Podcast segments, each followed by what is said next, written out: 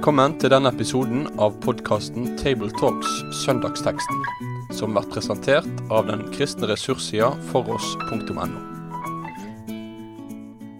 Ja, velkommen dere til eh, en samtale om eh, en eh, krevende, men viktig tekst. Vi er tre som sitter rundt bordet her. Egil Sjåstad, Asbjørn Kvalbein og jeg heter Svein Granerud. Og den teksten som eh, vi har foran oss nå, det er teksten for annen juledag, som også kalles Stefanusdagen. Det kommer vi nok ganske raskt tilbake til.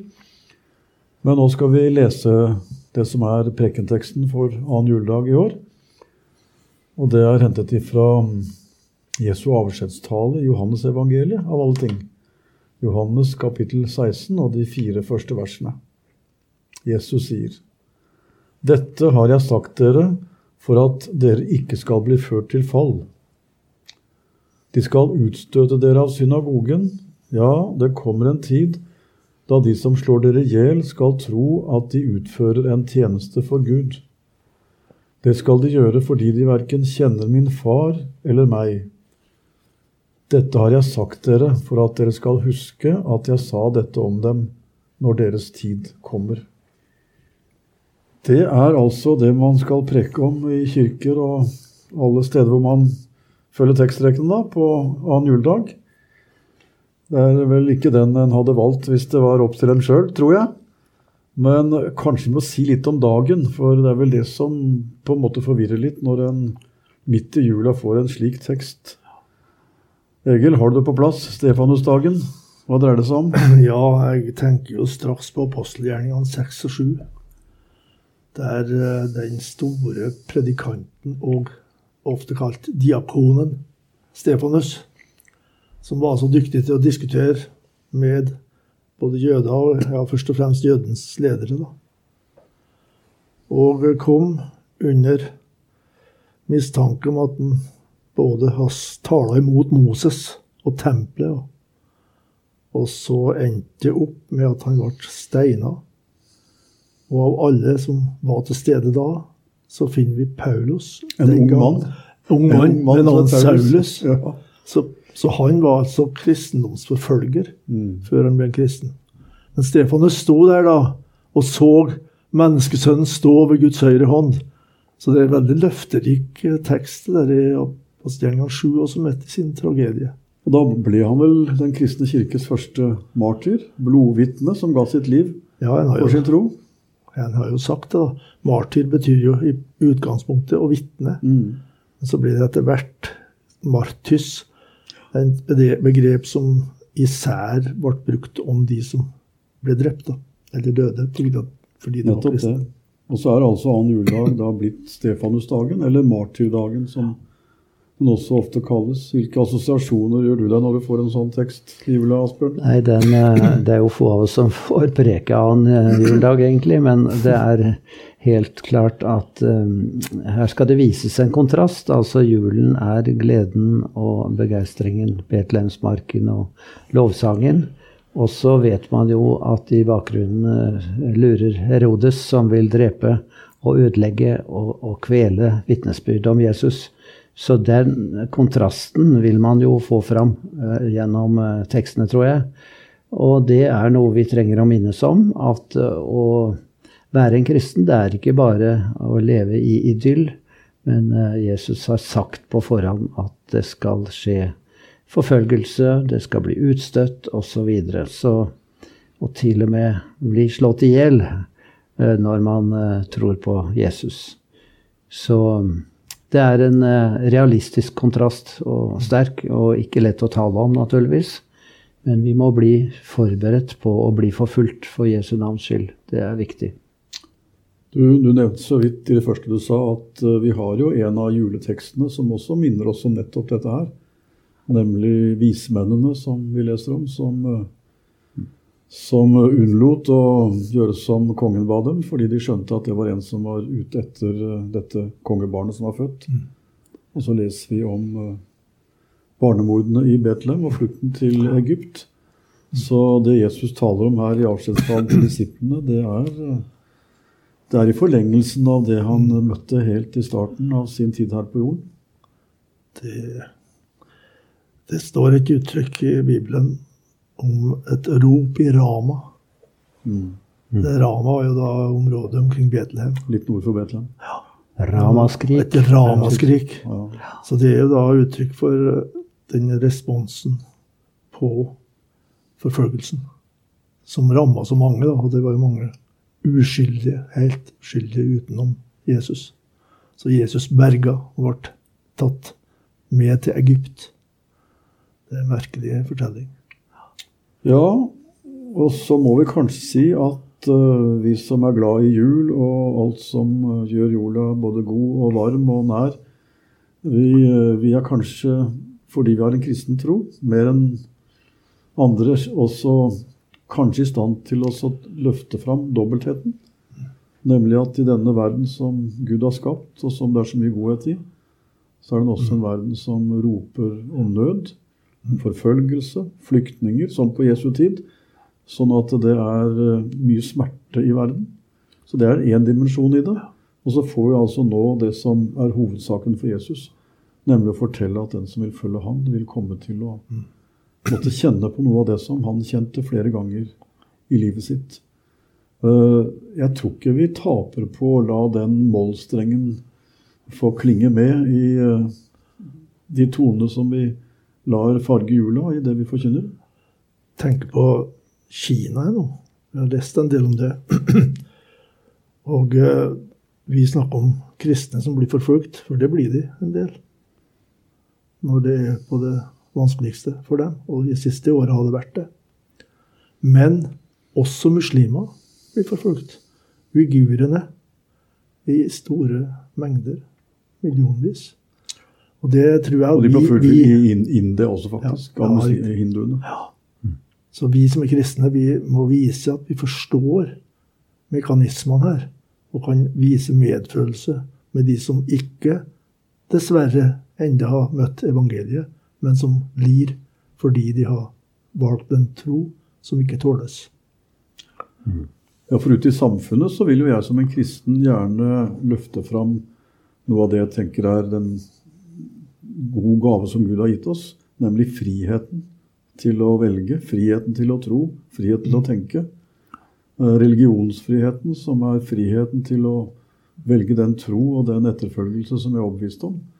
Og hvis jeg vil be om å ha den som kristen i vårt samfunn, og andre steder som vi nevner, så må jeg vel gi den samme retten til andre, Asper? Er ikke det en konsekvens av kristen tro? Jo, klart det. Vi må det. Eh, jeg er opptatt av en annen ting, og det er at um, dette er jo en kort tekst på bare fire vers, men den er i en fortsettelse av kapittel 15, de siste versene der. Når verden hater dere, står det som overskrift fra vers 18 i kapittel 15. Og den er jo som en utleggelse av dette at uh, dere blir forhatt fordi jeg ble forhatt. Og en tjener er ikke større enn sin herre. Har de forfulgt meg, skal de også forfølge dere. Så på en måte er teksten foran en veldig god utleggelse av hva som skjer her, og hvorfor det skjer. Eh, og så er teksten som følger etterpå, fra vers 4b Det er jo bare vers 4a vi leser til, men der handler det om talsmannen som skal komme og styrke og hjelpe dem som blir forfulgt. Så jeg vil kanskje, om jeg freker over dette, legge stor vekt på denne sammenhengen som Jesus setter dette i. Slik at vi ikke eh, blir skremt, på en måte. For det første så er Jesus vel eh, kjent med forfølgelse, og han er opphavsmannen til at vi blir forfulgt.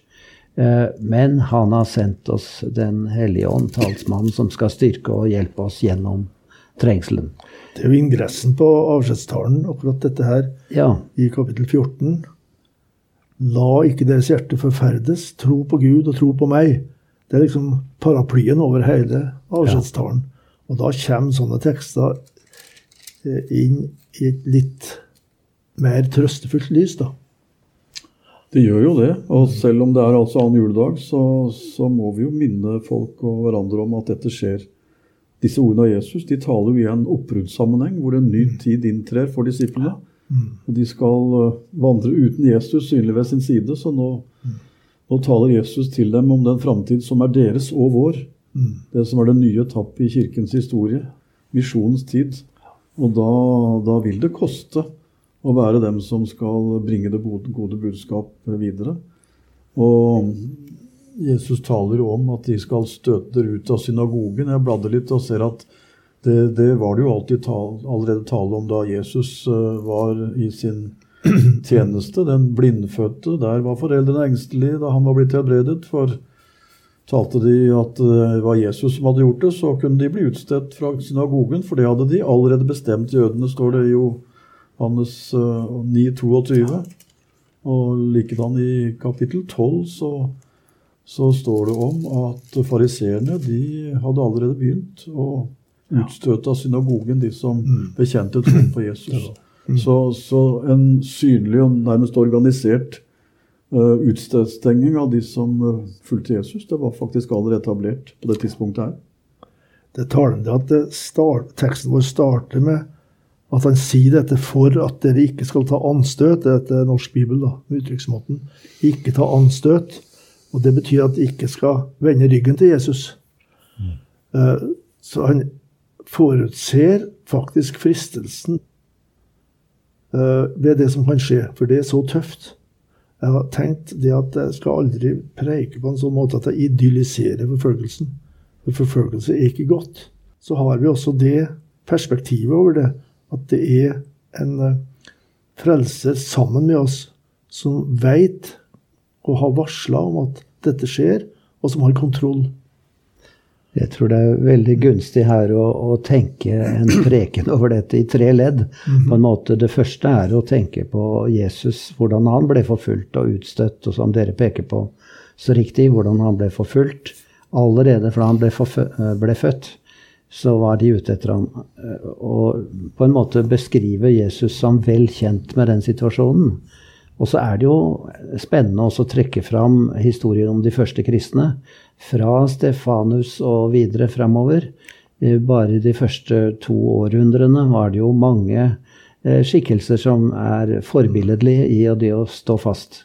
Og så kan man som et tredje punkt snakke om forfølgelse i dag. Og, og si at dette skjer, som dere var inne på. Det er så lett at man i, i dag snakker om den store trengsel som er noe som skal komme. Eh, men altså, etter mitt syn så er hele åpenbaringsboka den handler om situasjonen i dag. Det tenker ikke vi så mye over fordi vi tenker snevert europeisk. Men i verdenssituasjonen så er forfølgelsene mye sterkere enn vi er klar over og uh, tenker lite på, og det er verdt å, kaste blikket på. Slik at på mange måter er det en misjonssøndag også den andre Eh, på eh, juledagen, fordi vi kan rette blikket til våre brødre og søstre som trenger vår støtte og oppmuntring i forfølgelse. Hvis jeg skulle ha preika over denne teksten, så tror jeg jeg ville ha henta opp fra nettet informasjon fra Open Doors og Stefanusalliansen, og finne troverdige skildringer av hvordan det er i visse deler av verden. da, og Bare med å gi et perspektiv på dette her.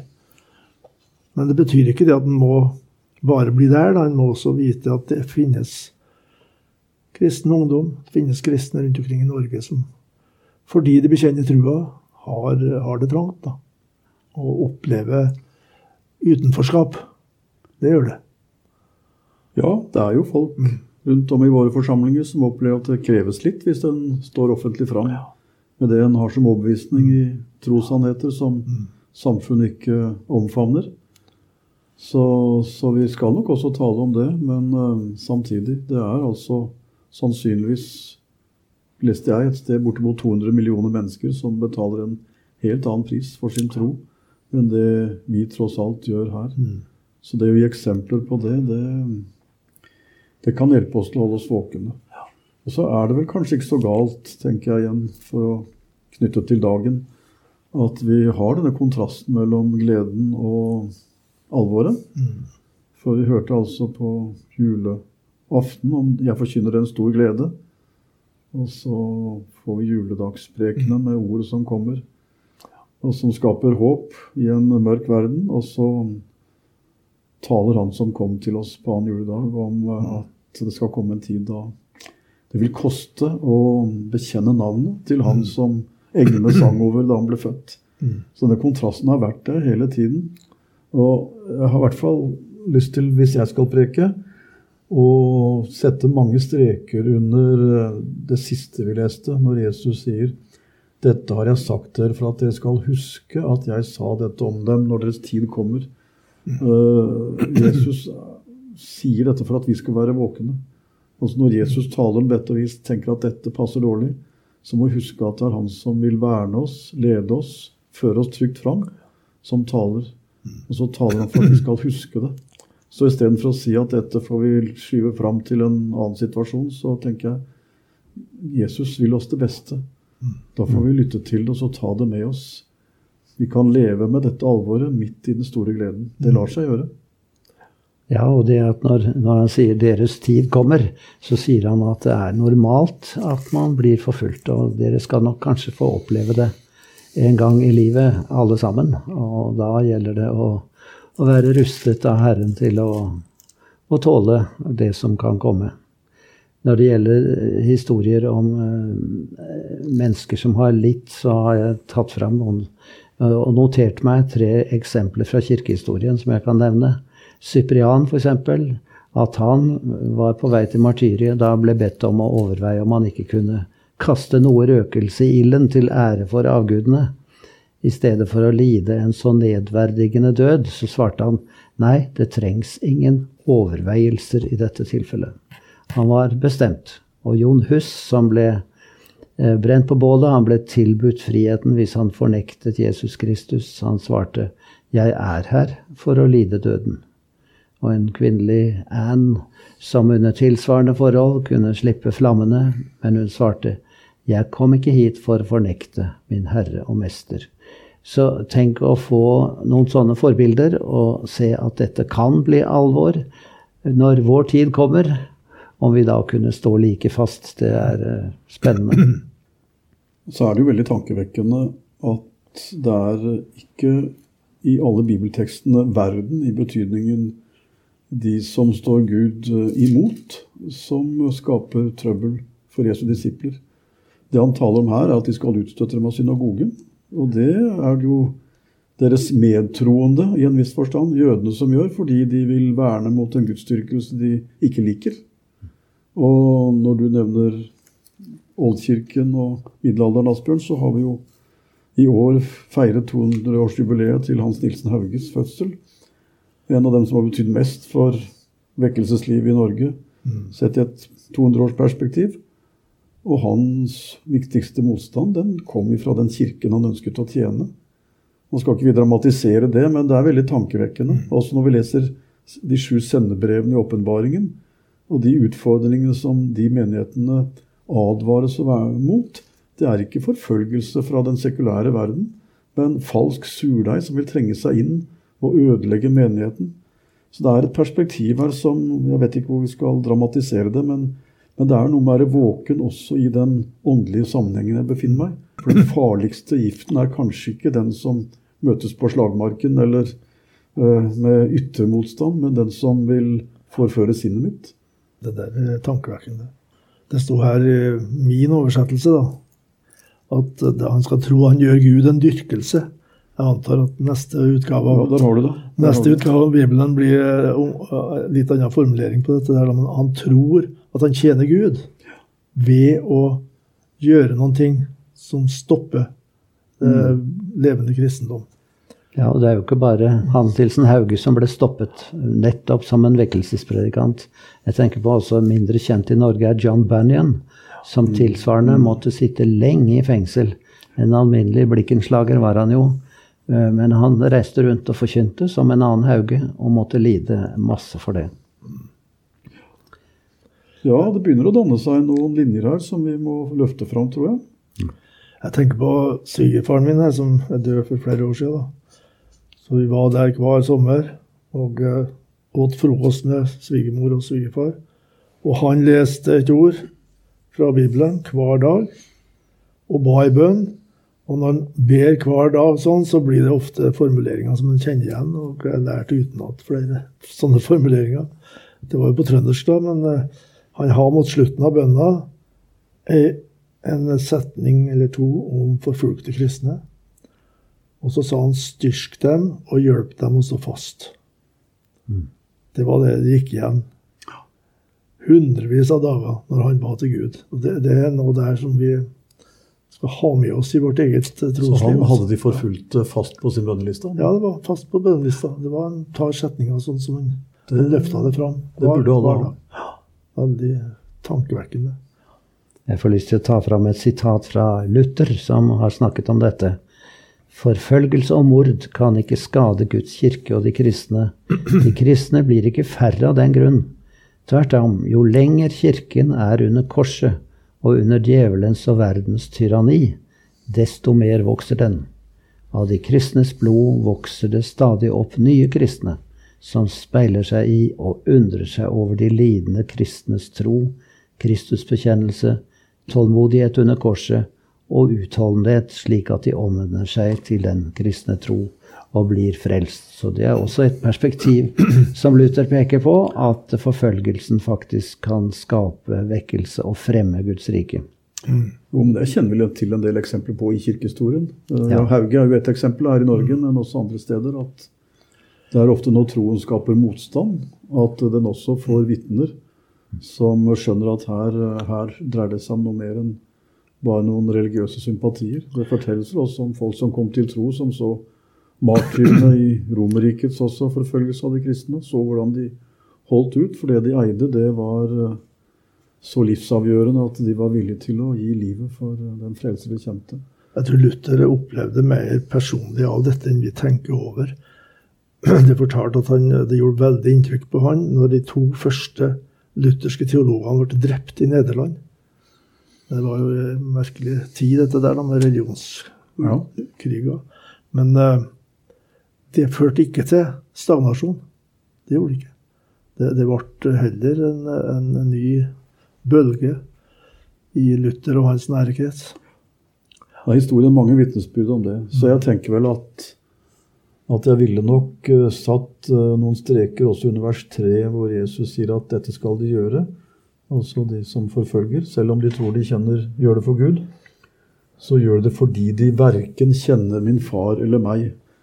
Så jeg tenker at det er Noe av det jeg må gjøre, da, som bl.a. lærte oppgave å forkynne Guds ord, det er jo å tale om Jesus på en sånn måte at folk blir kjent med ham.